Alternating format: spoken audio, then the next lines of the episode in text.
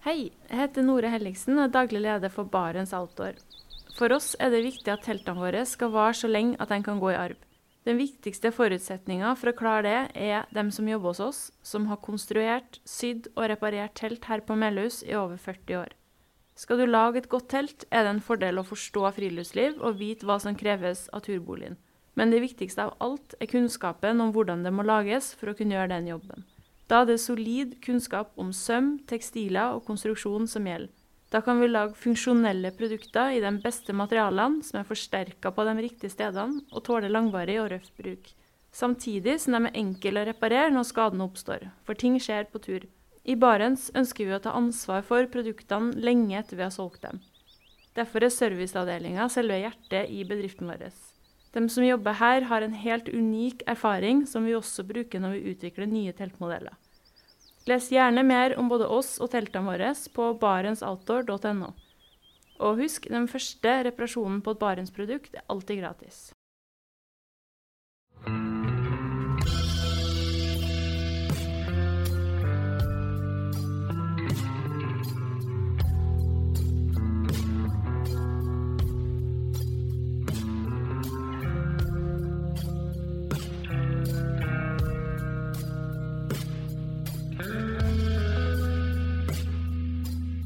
Hei og velkommen til podkasten Uteliv. For aller første gang eh, live her på Camp Villmark på eh, Lillestrøm. Dagens tema handler om det at eh, i friluftslivet så får vi store opplevelser i naturen. Eh, og det gjør jo igjen at en del ønsker å ta vare på naturen. Samtidig så påvirker det moderne friluftslivet naturen i stadig større grad gjennom produktene vi kjøper, gjennom reisene våre og gjennom at så mange av oss drar ut i naturen, gjerne på samme sted. Det er jo det her som omtales som friluftsparadokset, og vi skal prøve å se litt på hvordan kan vi fortsette å dra på tur, samtidig som vi tar vare på naturen vi ferdes i. Store, komplekse spørsmål, det her. Man har ikke én enkelt løsning, men i dag så skal jeg snakke med to personer som jobber med det her hver på sin måte. Hjertelig velkommen til Trygve Sunde Koldrup, seksjonsleder for natur og bærekraft i Den norske turistforening. Tusen takk. Eh, og Alexander Gamme, gründer av den digitale plattformen Pinch, som skal gjøre det enklere å låne og bytte utstyr i stedet for å kjøpe nytt. Og som alltid så Takk, takk. Ja. Ja. Som alltid så lurer jeg på, har dere hatt en fin tur eller naturopplevelse i det siste? F.eks. du, Alex? Uh, ja, nå var det litt sånn flaks med timingen, fordi jeg kom egentlig akkurat fra fjellet i går. Så da kan jeg si at ja, jeg var på fjellet i går. Jeg var på Fagerheim fjellstugu, faktisk. Uh, veldig koselig vertskap og veldig hyggelig sted. Og veldig fint vær var det jaggu òg. Ja. Så det var, det var fint. Hva du gjorde du der? Nei, der uh, filma vi noe greier. Ja, ok. Eh, Du da, Trygve? Jeg avsluttet jo påsketuren på, på Fagerheim da, eh, en uke før Alexander. Så da gikk jeg fra hytte til hytte med familien. Så det var fantastisk fin avslutning på påsken. Ja, Og hele familien fra hytte til hytte? Vi prøvde det. Ja, det gikk veldig fint, det, altså. Unger på ni og ti år? Eh, 10 og 11. 10 og Så da hadde vi funnet en rute på Hardangervidda som var ganske kort og flat. Og det gikk eh, fint. De likte det. Vi gikk med en annen familie. Da ble det god stemning. Eh, Det er veldig bra. Eh, Men vi starta med å ta tak i det her med utstyr. For eh, vi nordmenn er jo i verdenstoppen når det gjelder utstyrskjøp. Vi skal befeste vår stilling på den toppen her i løpet av den helga her, antageligvis. Eh, Og noe av det utstyret vi kjøper, har vi behov for. Nå kjøper vi fordi vi kanskje skulle ønske vi hadde tid til å bruke det. Og andre ting bruker vi ganske sjelden. Er det her et sånn Når du starta Pinch, eh, Alexander, for, å, for bytte og salg av friluftsutstyr, altså var det egen utstyrsbod som var hovedinspirasjon? Eh, ja, både og. Nå har jeg egentlig trimma og slanka den over såpass mange år at det er ikke så mye igjen, egentlig. Eh, Jeg har nesten bare det jeg trenger å, å bruke ganske jevnt. Men eh, det er eh, Jeg vil kanskje si at det er enda større grad alle de åra jeg jobba i bransjen. Jobba med merkevarer, jobba med butikkledd. Uh, jobba med å se på forretningsmodellene. Og ikke minst da hvor enkelt og hvor programmert vi er på å kjøpe nytt. Eh, og så er det sånn at alle kan ikke eie alt. Vi må bli flinkere til å dele. Og det, det er bare sånn uh, verden er, og derfor har vi etablert Pinch, som jeg sikkert skal få lov til å prate litt mer om etter hvert. Ja, jeg kan, tenke, altså, kan du kort forklare hva det er Pinch er og gjør? Pinch er en digital plattform for gjenbruk og for deling. Dvs. Si at du og jeg kan uh, låne, leie og selge brukt til hverandre. Dette her er jo ikke noe uh, spesielt nytt. Vi er jo allerede ganske flinke til å spesielt selge brukt, men det å leie av hverandre eksisterer det ikke noe god digital plattform for uh, akkurat sport og friluftsliv. Så det vil si at du, Randulf, har jo boden full. Nå kan du gå inn i boden, og så kan du knipse bildet, legge ut ting som du enten skal selge brukt, eller kan leie ut. Og så kan du tjene mer penger, men så får andre muligheten til å ha en lavere terskel for å prøve nye ting. For å komme seg ut på tur. Ja, det, det slo jo meg at altså, sånn, Hvis sånne ting skal funke, så må det jo altså Vi er jo såpass lat at det må gi oss noe. Det kan ikke bare være en god gjerning. ikke sant? Altså, det, du må få noe ut av det sjøl. Det er i hvert fall enklere da. Men jeg tenker f.eks. da Jeg er jo veldig glad i Finnmark. Ja. Skal du dit for å padle ei elv eller gå på ski om vinteren, så vil du gjerne ha en kano eller en pulk som da kan være litt krøkkete å få med seg oppover. Men da, da kan du altså da finne en person eh, i riktig område og få leid utstyr. da. Altså Når du trekker fram kanoen, så vil jeg si at det finnes egentlig ingen god grunn til å eie en kano. Altså, For det første så tar den opp halve garasjen. Eh, og så skal du prøve å stable den på toppen av en bil eller inni en bil og frakte den noe sted, eh, som er et prosjekt i seg sjøl. Og så er det jo mye enklere å egentlig finne noen som har en kano eller en kajakk eller det utstyret der hvor du ønsker å bruke det. Spesielt da med kostbare ting, store ting som er eh, komplekse å frakte med tog, fly eller bil. Så, og, og det, her, eh, det, her, har jo bare gått gjennom kjentfolk, eller du må vite om noen, eller du må kanskje legge ut noe på noen Facebook-grupper, eller du må virkelig begynne å grave i det for å finne ut hvilke muligheter du har. Men tanken til Pinch er jo å lage en hub hvor du samler så mange av de grønne tjenestene på ett sted, som gjør det enkelt å søke. Så skal du til Finnmark og trenger en telt eller en kano, så kan du gå på Pinch, så søker du opp det. Så vil du få både privatpersoner, men etter hvert også foreninger, butikker, merkevarer som selger brukt eller leier ut på ett og samme sted. Mm. Men uh, det, det, er jo en bedrift du har starta. Altså, hva koster det å bruke Pinch, og hvor ligger liksom, forretningsmodellen din hen? Det, dette her er et høyst idealistisk eh, konsept, eh, men du kan godt si at det er en, eh, en eh, kapitalistisk ramme. Altså vi henter funding fra private investorer. Eh, så er det ingen av eierskapet som egentlig har fokus på eh, en bunnlinje eller topplinje. Altså det med å på en måte gå, levere positive tall. Dette her kommer vi til å investere i og utvikle i mange, mange år. Det koster ingenting å legge ut en annonse på Pinch, men det koster 10% av transaksjonen når du leier av en annen person, så, så trekker plattformen 10% av den summen. Hvis du skal ha forsikring på det i tillegg, så trekkes 7 eh, ekstra. Eh, så det vil si at alt, alt, du legger ut, kan være ferdig forsikra. Du har kanselleringsvilkår, du har bookingkalender, du har bank-ID-verifisering imellom begge parter. Du har muligheter til å gi evaluering imellom utleier og leietager, og så vice versa. Ja, ja, for det er noe jeg har tenkt på. Altså, det er jo sikkert at eh, jeg er en litt sånn bekymra person og sånn. Altså, jeg tenker altså da, Du drar til Finnmark og så låner du en eller leier en Ally-kano for å padle Karasjokka. Og hvis man padler Karasjokka sånn som jeg padla Karasjokka ja, Det er litt stein der, er det ikke? Det er litt stein, ja, og du padler liksom til du står ugjenkallelig på grunn. Og så kommer du tilbake og leverer det her til den du leide det fra. Så ikke han sikkert at vedkommende har helt den samme tanken om hvordan en sånn kano skal brukes. Da. Altså, hvordan håndterer man det? Ja, det, er der, det er der vi ser vi har mye mer muligheter. Så lenge vi fokuserer på sport og friluftsliv, som er én ka kategori, istedenfor å leie ut både øh, vaffeljern og, og, ja, alt mulig, gaffeltrucker eller hva som helst, så kan vi på en måte sette en del funksjonalitet for å ivareta den tilliten du må ha imellom den som leier, eller leier av så å sette premisser i forhold til ulike nivåer. Eh, men eh, clouet her er jo forsikringa. Altså hvis noe blir skada eller går i stykker eller blir mista, så er du som utleier eh, dekka inn. Okay. I DNT så har vi jo drevet med delingsøkonomi i 150 år, eh, og vi vet jo egentlig at det funker. Det er jo det hyttene våre er et eh, eksempel på. Og jeg tenker at nå har vi begynt med Airbnb og bilkollektivet, så, så kanoen vil jo være mulig. Og så tenker jeg at det er viktig å ikke bare bruke Finnmark som et eksempel. Altså, vi jobber mye for nærfriluftsliv. Her fra Lillestrøm er det veldig mye fine naturopplevelser du kan ha mellom Lillestrøm og, og Finnmark. Ja, og så er det jo en veldig fin ting at du kan prøve utstyr du Altså du kan prøve nye aktiviteter uten å ta hele investeringa på en gang. Mm.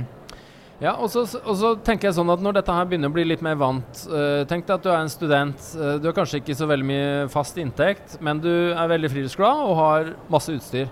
Altså, bare som et eksempel. Siste måneden så har jeg leid ut teltet mitt to ganger. 2000 kroner. Det er ganske lettjente penger. Uh, og, og, og, det viser seg da ikke sant, Boden din er egentlig fylt opp av død kapital som du kan aktivere og, og ha ekstra inntekter på.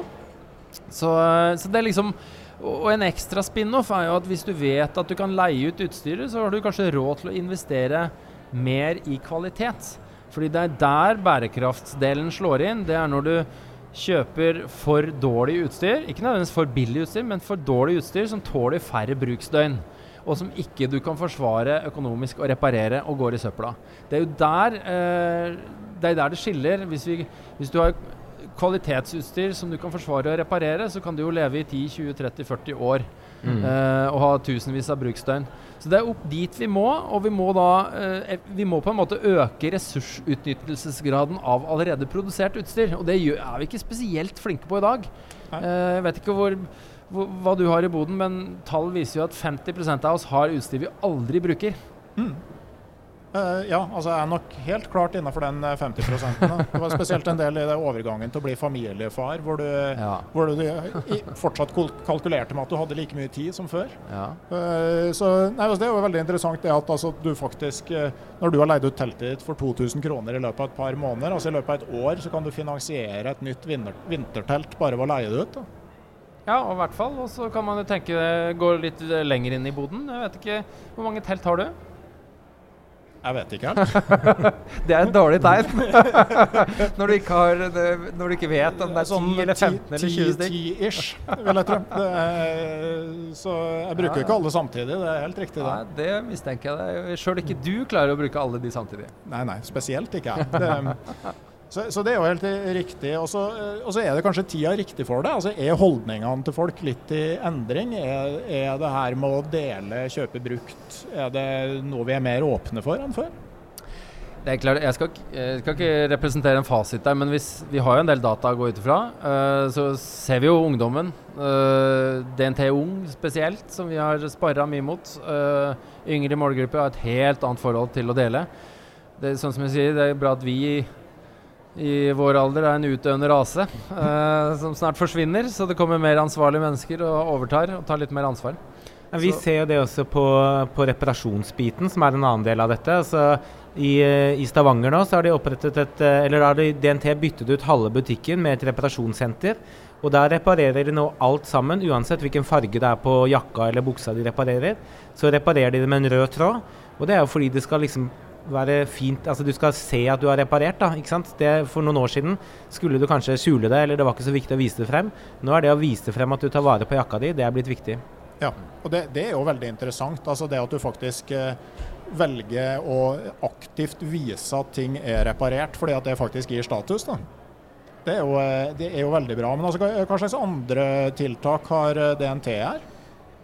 For vår del så tenker jeg det er jo Utstyrsbiten er jo en del av det. Da heier vi på sånne initiativ som det Alexander representerer. Eh, så er vel kanskje den største, enda større enn utstyr, er vel kanskje den transportbiten knytta til, eh, til, friluftslivet vårt. Så, så, vi heier jo naturligvis på, på nærfriluftsliv. Tror vi ser en veldig stor endring der. At før dro man kanskje mye lenger. Eh, pandemien og mye annet har lært oss at vi kan få fine naturopplevelser eh, mye nærmere.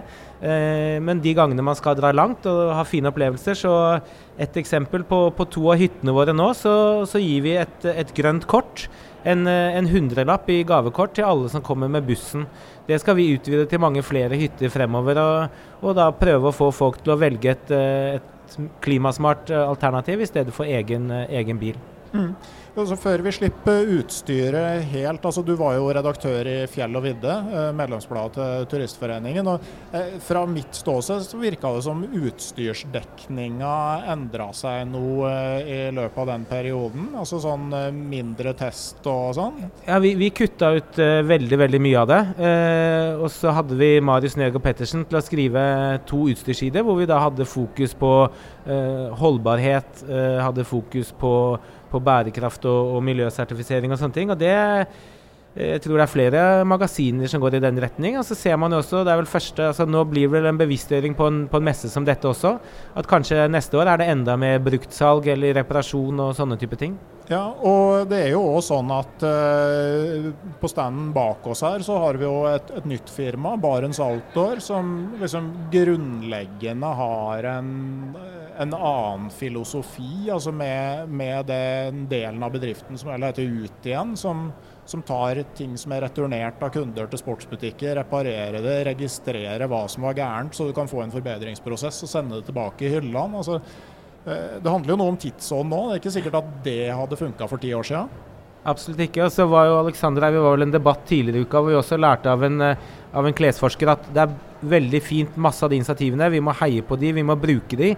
Men det aller viktigste er at vi kjøper kvalitet som varer lenge. Altså at vi, eh, at vi unngår at det blir ødelagt, at vi tar godt vare på det selv. Så på, mm, på hyttene våre nå så har vi også Eh, på de betjente anleggene så har vi satt opp en sånn reparasjonssekk på alle hyttene, sånn at du skal kunne eh, ta enda bedre vare på utstyret ditt. Har du en jakke som er i ferd med å gå i stykker, eller ser at det blir slitasje, eh, kanskje har du ikke utstyret eller tida til å fikse det hjemme på en DNT-hytte. Kanskje kan du fikse det med en øl eh, foran peisen eller i solveggen, og sitte der og får du en oppskrift på hvordan du skal gjøre det, og så har du utstyret, og så lever den jakka kanskje noen år lenger. Mm. Og så er det jo en kjensgjerning òg at friluftslivet vårt nå blir stadig mer spesialisert. Da. Så eh, altså, man driver med veldig mye mer forskjellig som krever spesialutstyr. Men det er klart at hvis man kjøper kvalitet og lar flere bruke utstyret, så er det ikke sikkert at det er like problematisk.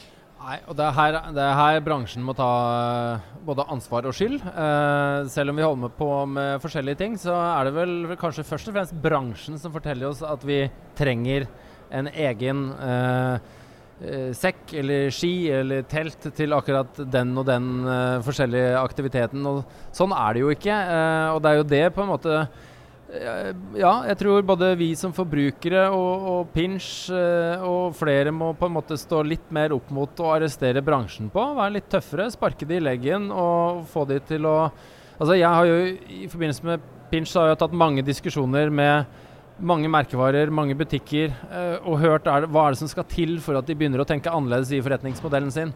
Og det er jo, det er jo kjempevanskelig. De er jo fossiler. altså de, de de vil helst eh, fortsette med det de gjorde i går, fordi de vet hvordan det funker, og alt annet er risiko. Og så er det selvfølgelig vanskelig å investere mye i usikre forretningsmodeller. Uh, så det krever et skikkelig press for å trøkke bransjen over i en mer ansvarlig retning. Eller så kommer de til å fortsette med å overbevise oss om at vi trenger hele tida nye ting. Mm. Jeg tror jeg kanskje forlater utstyrsbiten der. For at eh, også det med å dra på tur, altså, eh, det påvirker jo naturen. Altså Både gjennom reise, som jeg har vært innom. altså både direkte gjennom utslippene fra f.eks. biltrafikk, men det er jo hvis mange skal kjøre bil hver fredag, så påvirker jo det eh, presset på hvilke veier som må bygges, som tar mye areal. Uh, og så er det jo sjølve ferdselen vår i naturen. Det har jo de to siste åra vist at kan endre naturen uh, ganske kraftig. Uh, så Sånn sett så kunne man jo på et vis sagt at det var bedre om vi satt hjemme og så engelsk fotball på TV. Men siden vi sitter her, så mener vi jo åpenbart ikke det. Altså, du Trygve, altså, hva, hva er det som er positivt med at folk fortsatt drar ut? Hele organisasjonen vår er tufta på at det prinsippet om at uh, vern gjennom bruk, og at du, det du opplever og, og, er en del av, det tar du også vare på og blir glad i. Så jeg tror at uh, det å oppleve natur gjør at du tar vare på det. Uh, Men så, så ble vår, eh, sånn som DNT sin rolle, blir jo da tilrettelegge for skånsom, eh, skånsom ferdsel og enkel friluftsliv. Men jeg synes det er et liksom, du, du, hopper, du, du, sa transportbiten og så gikk rett ut på slitasjebiten. Jeg tror en av de største utfordringene i, i Norge, og det som står for faktisk 25 av arealtapet i Norge hvert år, det er jo den voldsomme iveren vår etter privat hytte. Eh, altså det at det alle, eller i hvert fall veldig mange, skal bygge sin egen hytte det for å komme nærmere naturen. Eh, det syns jeg er ganske paradoksalt. og det, det tror jeg er noe vi må, må tenke litt, eh, litt gjennom. Eh, også smartere løsninger der for hva man kan dele, eller hva du faktisk trenger. Eh, om ikke toppturskia di brukes så mange dager, så er det ikke sikkert hytta alltid brukes så mange dager i løpet av et år heller. Nei, og, og, der er det jo faktisk sånn at en del hyttefelt, der er det jo ikke engang lov å leie ut hytta. Eh, så det er jo for så vidt en start, og at man kanskje kunne se om det faktisk er noe eh, en eh, reguleringsperson har lov å si. Da. Jeg så det var en bank nå som begynte å ha lavere rente til de som lånte hytta. Det er f.eks. en fin vei å gå da, for, å, rett, for å oppmuntre og inspirere til det. Normalt så er det jo egentlig motsatt, fordi forsikring kan koste mer hvis du leier den ut. Mm. Så, så, det er jo faktisk et veldig bra tiltak. Men eh, Eh, altså, jeg syns at mange av disse problemstillingene her er kjempevanskelige. Altså, fordi man skal sitte der og vurdere og, og føle at man skal ta mer og mer ansvar i forhold til hvordan man tilbringer fritida, hvor langt man reiser. Eh, men det som jeg vil anbefale, er jo av og til droppe innom en sånn der bærekrafts- uh, eller klimakalkulator. Fordi da får du litt mer perspektiv på det totale bildet uh, vi, hver og en av oss, setter igjen. Og det som er ganske ja, det som er litt sånn interessant, det er jo at et av de første spørsmålene som dukker opp, det er hvor mye tjener du? Fordi at du ser at forbruket ditt, avtrykket ditt, er så tett kobla på inntekten din at du trenger nesten bare ett eneste spørsmål. Eh, og så er det litt i forhold til sant, Har du hytte, hvor mange kvadratmeter bor du på? Så det er ikke sikkert at du skal kanskje kansellere liksom, det store eventyret om å kanskje dra til Grønland i tre måneder, eller uh, dra til Chamonix og, og, og klatre, men heller se på en måte det i en større total. da, Hvor lander du igjen i forhold til gjennomsnittet? Og mm. sørg for å være på riktig side av gjennomsnittet. Ja, det, det er et veldig godt poeng. Og så er det jo eh, ikke sant, en litt sånn direkte påvirkning av natur ved at mange ferdes i de samme områdene. Og, og, DNT har jo et stort hyttenett, og mange lurer jo på ikke sant, når er det stort nok? Mm. Eh, jeg tror DNT har 550 hytter, eh, som Og det tallet har vel gradvis økt de siste årene. Det er ikke så mange år siden vi hadde Rabot-hytta, som var hytte nummer 500. Eh, Men eh, jeg tror det vi ser, er at det er en ganske stor endring i hvor eh, våre hytter ligger. Altså Mens alt før var på fjellet, kanskje langt inn på fjellet, så, så ligger hyttene nå andre plasser. Altså vi har Eh, Fuglemyrhytta i Nordmarka er sikkert en av de mest populære hyttene vi har. Den ligger halvannen kilometer fra T-banen. Eh, vi overtar gamle fyr langs Oslofjorden, eh, så kystfriluftsliv og nærfriluftsliv er blitt mye viktigere for oss. I, i Stavanger så etablerer de en, en DNT-hytte i, i, et etablert hyttefelt. Sånn at kanskje også de som ikke får råd til å eie sin egen hytte, kan være med å ta del i den hyttekulturen de andre opplever der. Så jeg tror kanskje fremover vil man se mye mer av det fra, fra DNT sin side, i hvert fall. Mm. Så, så, organisasjonen, altså det, det, du ser en sånn klar rød tråd, en, en sånn, eh, at man forflytter seg nærmere folk? Jeg tror mye av friluftslivet handler om det også. At, eh, ja, sånn som jeg sa, det har pandemien vist oss de siste to årene. Eh, så det, det tror jeg absolutt er en, er en trend. Jeg syns det var overraskende få som gikk hytte til hytte inn på, på Hardangervidda i påsken. ikke sant? Så det, jeg tror folk velger litt annerledes. Så det, det ser man. Jeg kan bare snakke for meg sjøl at jeg oppdaga områdene rundt Trondheim som følge av pandemien. Altså, et eller annet skulle finne på i den påska for, eh, for to år siden, og du kunne ikke dra ut av kommunen. Så vi tok med ungene og slo opp eh, teltet 500 meter unna skiløypa, og det viste seg rett ved en orrfuglleik. Du hadde en fantastisk naturopplevelse som eh, ja. Ja. og det er jo sånn område du ser da hele det området rundt Selbusjøen er jo liksom bare plutselig helt gjenoppdaga med, med, med, nye øyer. Så det, det var eh, Det kan jo hende at den pandemien har gitt en varig endring. da. Nei, så er jo alt dette, dette blir jo liksom uh, alle paradoksers mor, alt sånt som knytter til bærekraft. Altså, for liksom, altså det, det er klart uh, i nærheten av Trondheim, bynær natur i Oslo. altså Det at alle nå plutselig skal ut der, det, det medfører masse av disse slitasjeproblematikkene du skal inn på. Så Eh, det er vanskelig, men jeg tenker at vi må oppleve naturen på en god måte. Da, da blir vi også glad i den og tar vare på den.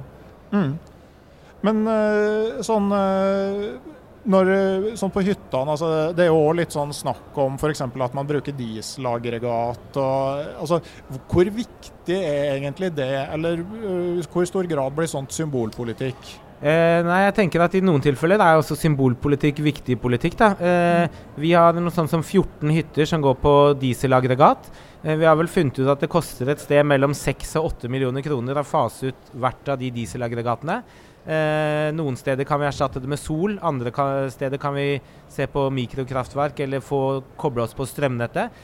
Men jeg tenker at den, eh, den symbolpolitikken i mange tilfeller er viktig. Vi, eh, et det er, det noe reiselivsforskning som, eh, som, en som heter Carlo Aall har, eh, har, vist frem, eh, som snakker om at i feriemodus er du ekstra mottakelig for nye impulser.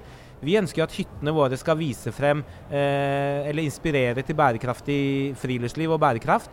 Men vi kan ikke stå og fortelle om det hvis det durer et dieselaggregat i bakgrunnen. Men det er viktig. I, i feriemodus er du mottakelig for nye impulser. Hvis vi får noen av hyttegjestene våre til å bli mer bevisst på en del ting, og de tar med seg det i 350 hverdager etterpå, da har det en stor verdi. Så da blir den utfasinga av dieselaggregatet mye større enn akkurat den hytta det, det gjelder. Ja, imponerende godt svart. Nei, men jeg tenker at eh, altså, holdning, eh, holdning og handling Altså handling kommer gjerne først. Mm. Holdningene bygges etterpå. Så man, det er litt sånn som du sier med akkurat en sånn symbolpolitikk. Så, så, så, må man kanskje ta noen symbolske handlinger for å skape gode holdninger i etterkant. Mm. Nok et veldig godt svar. Ja. Yeah. Men uh, det du var inne på, Trygve, altså når, alle, altså når de to siste årene det er jo langt flere som har uh, vært ute på tur. Uh, og En god kompis som har hytte i nærheten av Børgefjell, som nå med et sukk gleda seg til sommeren i år hvor folk skulle begynne å dra til Syden igjen og ikke drive og traske rundt i fjellet hans. men andre syns jo det er greit. Men hvordan jobber dere med tanke på slitasje, holdninger og sånne ting? For det, det har jo skjedd mye rart sånn som i Nordmarka. Ja, ja. Nei, og jeg tenker at, uh, at, stimerking og sånne ting, det å kanalisere folk til steder som tåler det, det er noe av det viktigste vi kan gjøre. ikke sant? For det er ikke uh, Mange steder tåler det at det går mange mennesker der, men de må gå på samme plassen, og den stien må, må tåle det. Men uh, noe av det jeg tror liksom vi som land kommer til å være flaue av om noen tiår, er jo hvor lite naturressurser Nei, hvor lite ressurser vi setter av til eh, naturforvaltning. Altså verneområdene våre, eh, nasjonalparkene. Det er så lite ressurser til forvaltning av dem. Det er så få folk og sånne ting. At det, mm, det tror jeg vi kommer til å være flaue over. fordi der har det gått på sparebluss i mange år. Eh, så nå ser vi andre plasser av verden. altså Min erfaring fra New Zealand, hvor du har de mest brukte rutene, så må du måtte kjøpe deg en plass. Eh, Begrense antall folk som går der hver dag. Altså, det er jo på tvers av allemannsretten, men ja. kan du se noe sånt komme i Norge? Nei, jeg, jeg håper ikke vi kommer dit, nettopp fordi vi har nok ressurser til naturforvaltning og klarer å kanalisere folk inn på til områder som, som, tåler det. Jeg mener jo eh, Den norske friluftspolitikken er jo, eh, er jo kjempebra for at folk skal bli glad i den naturen vi, vi, har. da. Så jeg håper jo egentlig ikke at vi kommer dit hvor det er tillatelser og uh, dyre uh, sånne adgangskort du må ha for å komme inn i naturen. Det, det er på en måte helt feil. Og, ja. Nei, bare, det, det, her er jo på en måte midt inni et av de der store paradoksene. Så vi tenker sånn at uh, vi, vi, vil gjerne heie på nær, nær, nærmiljø, kortreist friluftsliv.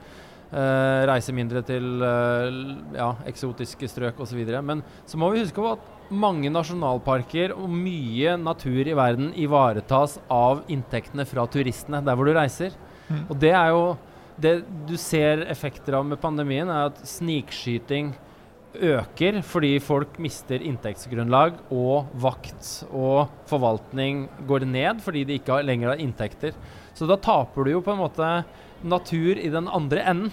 Så dette det bare belyser jo hvor komplekst hele situasjonen eh, er. Det er ikke mange mange steder som ikke er sånn som i Norge, hvor du har statlig forvaltning eh, av natur, men, eh, men, er avhengig av faktisk av turistenes inntekter. Og når de uteblir, så har man et problem for å ivareta mye. Mm. veldig, veldig komplekse saker når du begynner å se i det. Eh, men jeg tenker på sånn med, med DNT så er det jo villreinen som kanskje mer enn nå har blitt et sånn uh, stridsspørsmål. Og, og, der har det jo skjedd ting? Ja, nei, Vi så jo senest det på, på en måte hvor kritisk og hvor trua den er. Det så vi på en rapport som ble publisert denne uka.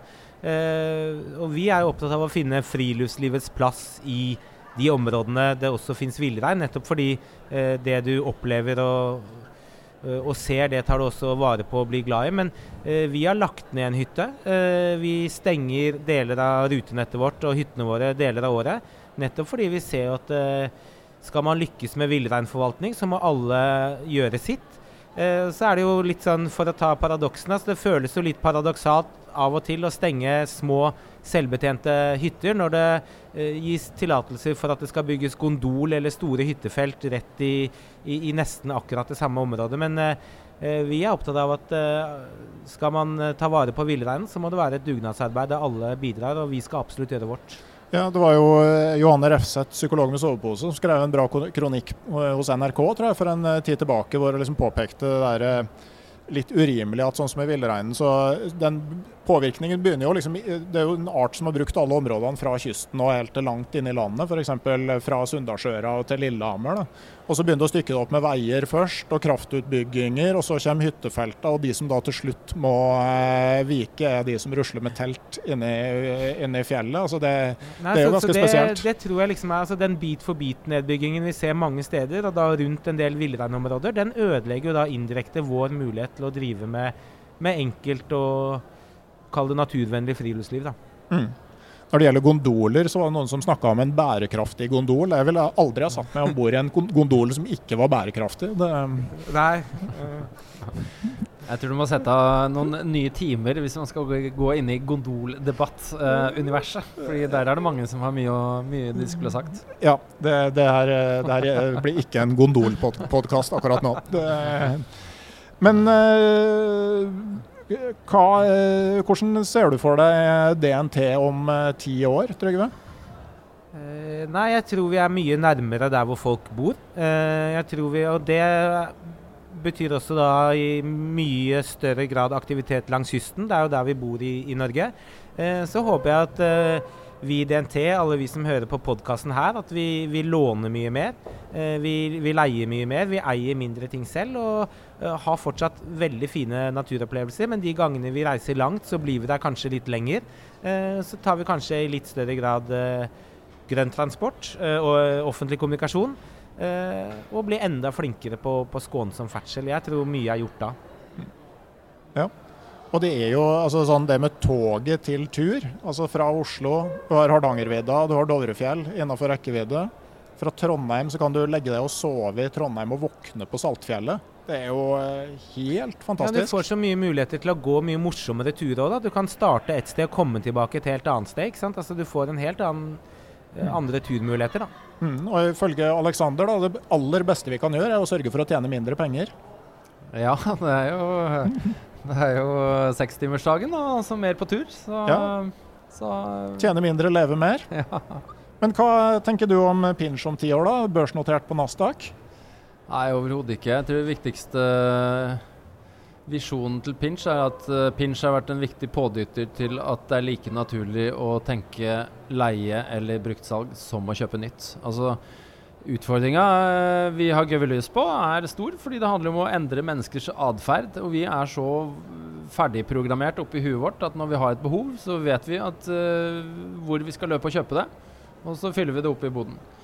Men uh, så Derfor er det, et, det er et reelt perspektiv å tenke ti år med pinch, uh, faktisk. Fordi det handler om å endre såpass solide og fundamentale mønstre i, i, oss sjøl at jeg tror det kan være den viktigste målsettinga. Det er å være en god uh, på, pådriver til å endre oss i retning av mer bruktsalg og mer utleie. Mm. Hva tenker du er det viktigste for at dere skal lykkes? Jeg tror at uh, Det er jo litt sånn klisjé, men det er klart at uh, nå har vi uh, tatt initiativ. nå har vi plutselig 300 som er med og både eier og skal utvikle dette. Vi ønsker å bli flere tusen. Pinch skal eies av alle. Tror det er en viktig del for å gi oss sjøl eierskap til en løsning som vi kan være med å påvirke hvordan skal utvikles videre. Mm. og så er det at vi må rett og slett ikke bare prate, men vi må faktisk prøve det ut og gi det en sjanse. Og kanskje gi det både to og tre sjanser før produktet og tjenesten er så god at den flyter sånn som vi ønsker at den skal gjøre. Ja, det tenker jeg er viktig. At vi at vi som sitter her, eller vi som hører på, at, at, vi faktisk går og tester det ut. At vi ikke bare liksom tar den tommelen opp på Facebook og, og heier på det og tenker at det er fint. Det lykkes, Sånne initiativ lykkes kun hvis, hvis hver og en av oss bruker det og, og tester det ut. da. Ja, Og ikke gi den første gangen, for det er jo en uh, brukermengden øker jo. Så det at du ikke fant akkurat det du ville ha akkurat der du ville ha det en gang, altså ikke gi det opp. Nei, Det det som er vanskelig med å bygge en sånn type grønn plattformmarkedsplass. Altså Du trenger begge, begge, sider. Du trenger tilbud og du trenger etterspørsel, og da trenger vi også tålmodighet på begge sider. I tillegg så er jo Pinch helt nytt. altså Vi skal jo fortsette å utvikle dette her. og Det er masse som ikke er uh, helt ferdig, ferdig utvikla, og det kommer masse ny funksjonalitet funksjonalitet som vil gjøre tjenestene bedre og bedre. Så, eh, så, det er derfor jeg sier ikke bare prøv det én gang, men gi, det, gi, det, flere sjanser. Men du Alexander, jeg skal love deg en ting. Jeg skal dra hjem og så skal jeg legge ut den pack-raften som jeg kjøpte rett før barn nummer to kom, og som jeg enda aldri har brukt. Og de syv teltene som ja. ja. Ok, nå ber du om mye, men jeg skal vurdere saken. Og de elleve fiskestengene og Ja. Og har, kan, har, dere vært i kjelleren min? Altså, jeg tenker jo Det kan være litt sånn eksotisk. Sånn, sånn Randulfs sovepose. Kun brukt i 497 døgn. Nei, det hadde vært noe. Med temperaturgrense målt etter 123. Det, ja, det, det, er jo mye rart det er et marked for. Jeg vet ikke helt om jeg vil leie ut til de som vil ha den. Det, men øh, hvordan blir man medeier i Pinch, da? Nei, vi, vi, kommer til å ha Du, du kan gå på pinch.no, så er det en knapp som står 'bli med deg', og så kan du registrere deg. Eh, så står det på en venteliste, og så på en måte har vi sånne luker hvor vi tar inn nye medeiere, og så kan man være med og bli med i forum hvor man får en mye mer transparens rundt hvilke funksjoner vi skal utvikle når, og hva tenker du om dette, osv. Vi er helt avhengig av testbrukere som gir oss feedback på synspunkter om, eh, om hva som er nødvendig for at vi skal gjør det like naturlig å tenke utleie og bruktsalg som å kjøpe nytt. Mm. Jeg tror vi begynner å komme til en eh, slutt her. Det var veldig interessant å snakke med dere. Det, det er jo som vi sier, en, Man kan jo bli litt motløs, men jeg har stor respekt for de som faktisk gjør noe. For det er utrolig mye bedre enn ingenting. Ja, men avslutningsvis, jeg tenker Det dummeste vi gjør, er å bli motløse. Altså det, det, det beste vi gjør, er jo at vi bare tenker litt mer bevisst gjennom det. og Eh, og kanskje gjøre noen små skritt. Eh, alt er, er, viktig, alt er bra, og så går det gradvis den riktige veien. Mm. Det høres veldig greit ut. Eh, når vi sitter her nå, så er april i ferd med å gå mot slutten. Vi er på vei inn i mai, og det er jo superhyggelig å være her på Camp Villmark. Det har jo blitt eh, flere ute blant eh, publikum mens vi har sittet her og snakka, og det er mye hyggelige folk rundt her. Eh, men hvis dere helt fritt kunne valgt dere et annet sted som dere ville vært akkurat nå, hvor skulle det vært? Kan begynne du, Trygve. Eh, nei, jeg syns jo altså det, Hvis man eh, Jeg syns det var litt dårlig gjort å legge det til en fredag ettermiddag når det er sånne fine vårskihelger eh, i vente, så kanskje gått på en eller annen topp i, eh, i Jotunheimen hadde vært noe av det fineste man kunne gjort nå, hvis det blir fint i helgen. Stått klar akkurat nå til å ta på brillene og begynne ned. Ja, det hadde vært mm. fint, det. Altså. Ja.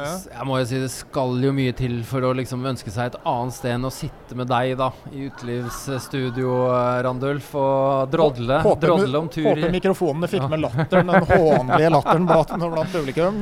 Men faktisk, når jeg så se legenden eh, Erik Enich eh, vandre rundt her, så tenker jeg at ok, skulle jeg bytta det ut, så måtte det være å klatre klassiske ruter i Hemsedal med Erik.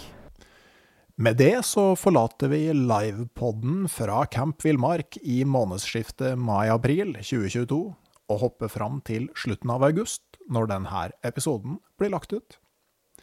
Jeg har nå fått oppretta en bruker på Pinch, sånn som jeg lovte.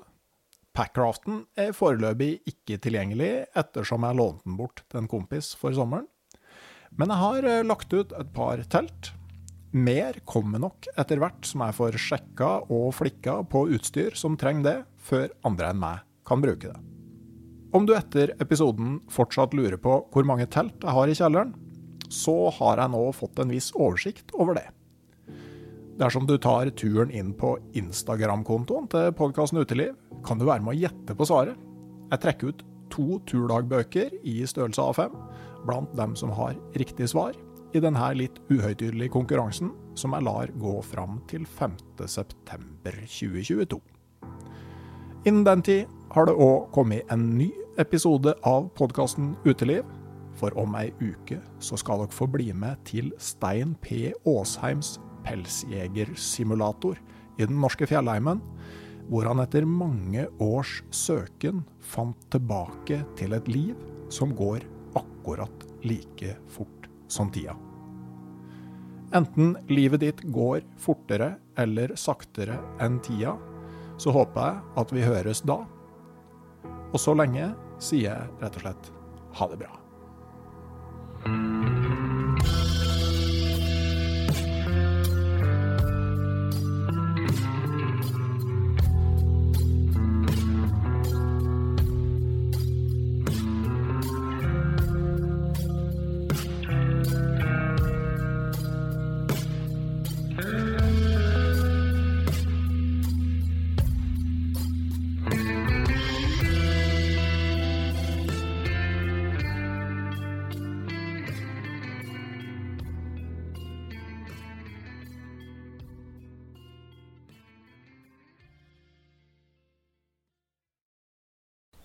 Hei, jeg heter Nore Helligsen og er daglig leder i Barents Outdoor.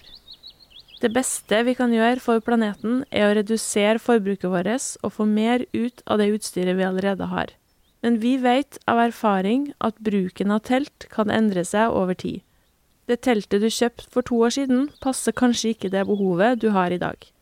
Derfor har vi i Barents etablert en egen panteordning der vi tar imot brukte telt av god kvalitet i innbytte når du kjøper et nytt av oss. Prosessen er enkel. På barentsoutdoor.no gir du oss informasjon om teltet du vil bytte inn.